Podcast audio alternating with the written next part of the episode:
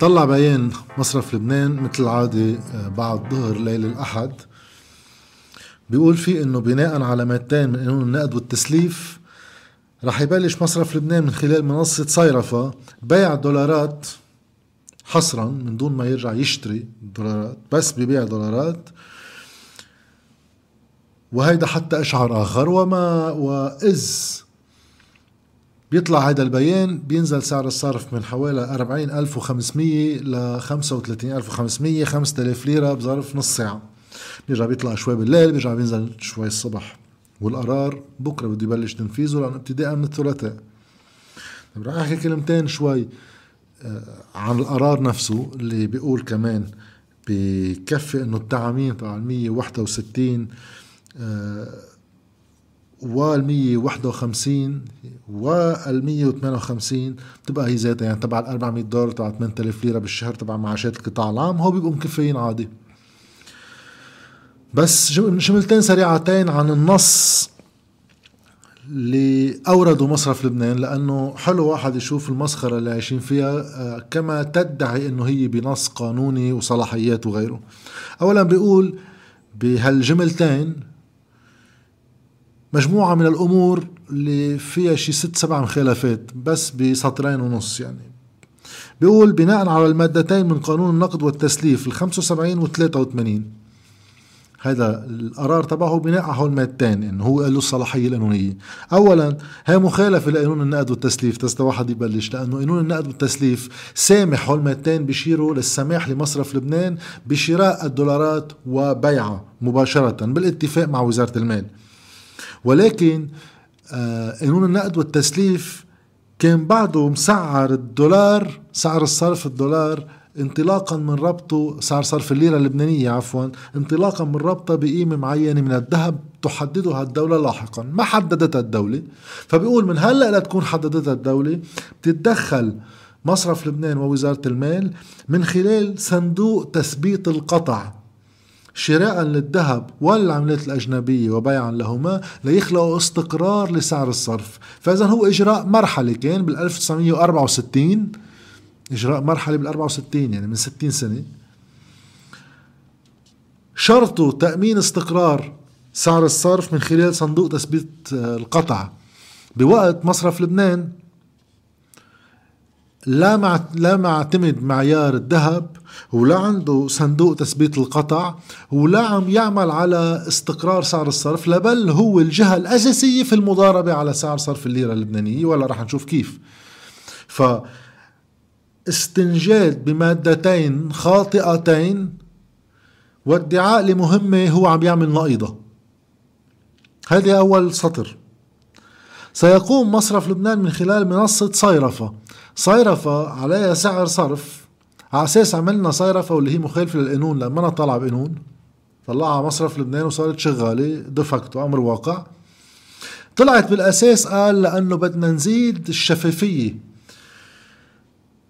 بعمليات الصيرفة كرمالتا واحد يقدر يوصل لاستقرار لسعر الصرف وتصير منصة الوحيدة المستخدمة. الفرق كان بين صيرفة وسعر الصرف بالسوق عشرة آلاف ليرة يعني حوالي 25% فرق.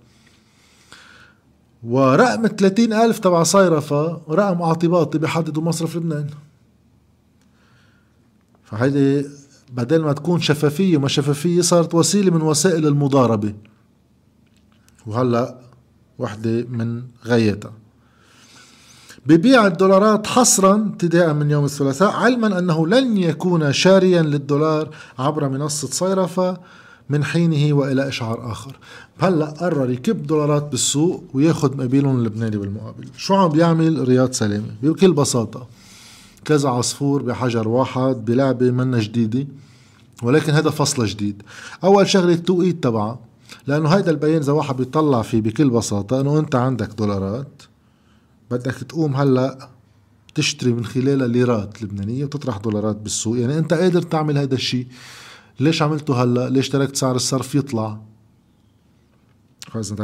مسؤول عن انهيار سعر الصرف بالمسؤوليات اللي انت مكلف فيها. هي واحد. اثنين هذا الشيء بيعني أيضا إنه مصرف لبنان هلا بده يسحب الليرات من السوق. توقيتها هلا بسائب مفيد سياسيا لأنه ميشيل عون فالل من القصر الجمهوري آخر الأسبوع. فمن وقت هذا الشيء بنزل سعر الصرف انطلاقا من عملية الخصومة بين اثنين. طيب شو كان عامل رياض سلامة آخر شهر؟ شهر ونص من هلأ.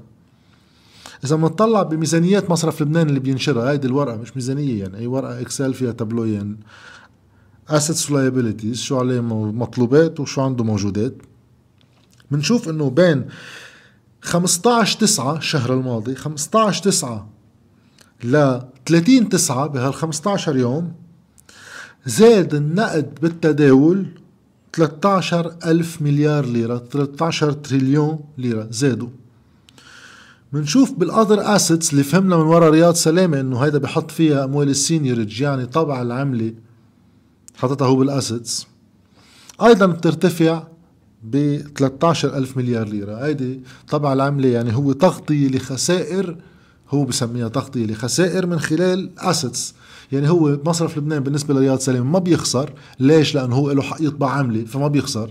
كل ما يسجل خسارات وحتى لو بعد ما طبع العملة كان يحط رياض سلامه إنه الخسارة هاي مش خسارة هاي بالموجودات بدل ما تكون بالمطلوبات.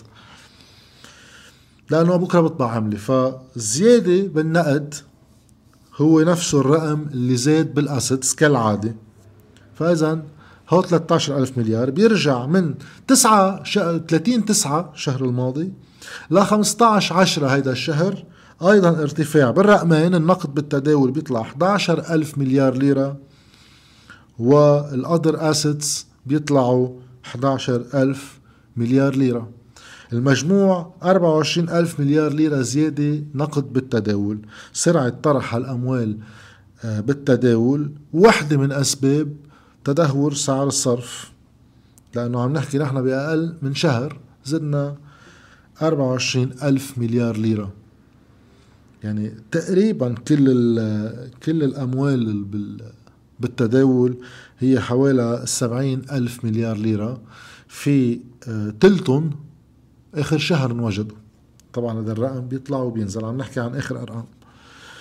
فاللي عم يعملوا رياض سلامة بكل بساطة من خلال عملية كب نقد بالتداول بهالسرعة لأنه هون أهمية هيدي الفيلوسيتي كب نقد بالتداول بسرعة عالية بيساهم أول شيء بأنه يشتري فيهم دولارات بمصرف لبنان وبيساهم بتدهور سعر الصرف اللي كنا عم نشوفه بصورة واضحة بالشهر ونص الماضي.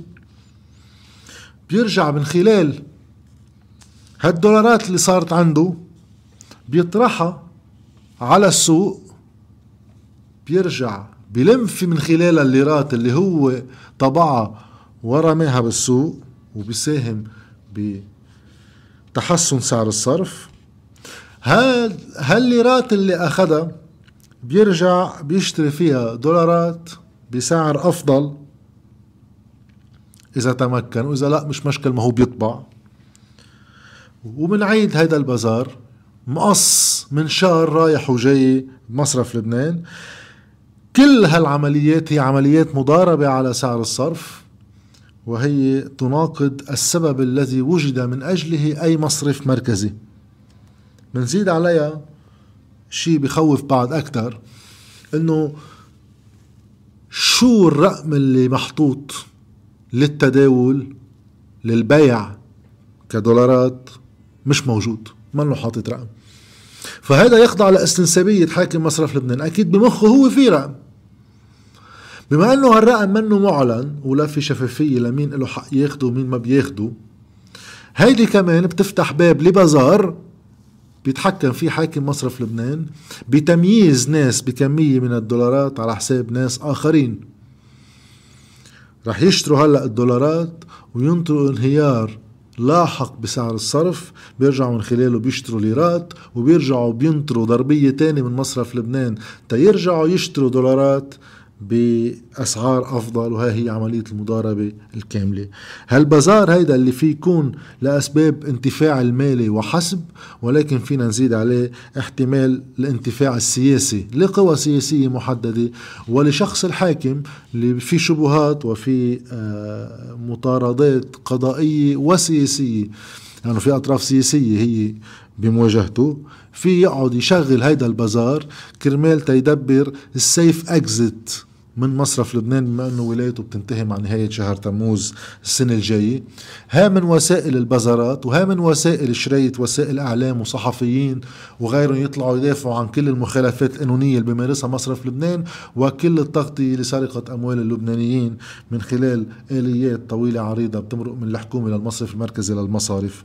ما عم بيدفع من كيسه بيدفع من كيسنا نحن. بطلوع وبنزول. وبصورة هيك ختامية واحد بيقول إنه ولا مرة قدام هيدي المضاربات واحد لازم ينغش بإنه شو بعرفني يتحمس ويقوم آه يخلص الدولارات اللي بإيديه لا بطلوع ولا بنزول. إذا ما في عوامل بنيوية تم تصحيحها ليوقف التدهور. بسعر الصرف خصوصا إنه الأحتياطي بالمصرف المركزي إلى تناقص مستمر ومضطرد وصل عند 9 مليار دولار بعد ما كان ببداية هيدي الأزمة بال 2019 حوالي 34 مليار دولار بقي في تسعة. ونحن بالسنتين المقبلتين رح نشرف في حال ما صار في آه، معجزات غير متوقعة على صعيد سلطتنا السياسية بأخذ أي قرار آه، يعفينا من هالأزمات رح تجينا. تدهور إضافي بما تبقى من عملات أجنبية بمصرف لبنان مع ما سيرافقها من انقطاع سلع من السوق وتدهور إضافي بسعر الصرف. ف بآخر 8 9 أشهر من ولاية مصرف لبنان لعبة جديدة فيها تطرق على كذا مجال، على المجال السياسي آه، مع انتهاء عهد ميشيل عون للإيحاء إنه في أمور عم تتحلحل. طبعا هذا كله وقتيا ببين إنه المشكل جزء منه أي فريق سياسي ولكن ما في أي فريق سياسي لحاله هو سببه. وبنفس الوقت من آه، حجم الدولارات بمصرف لبنان ومن خلالها بنرجع بنتدخل بالسوق للسيطرة نكسب وقت لتكون خلصت ولايتنا ويبقى في بإيدنا لآخر نهار من ولايتنا كمية من الدولارات. هيك بنكب على اللي بده يجي من بعدنا هو شو بده يعمل.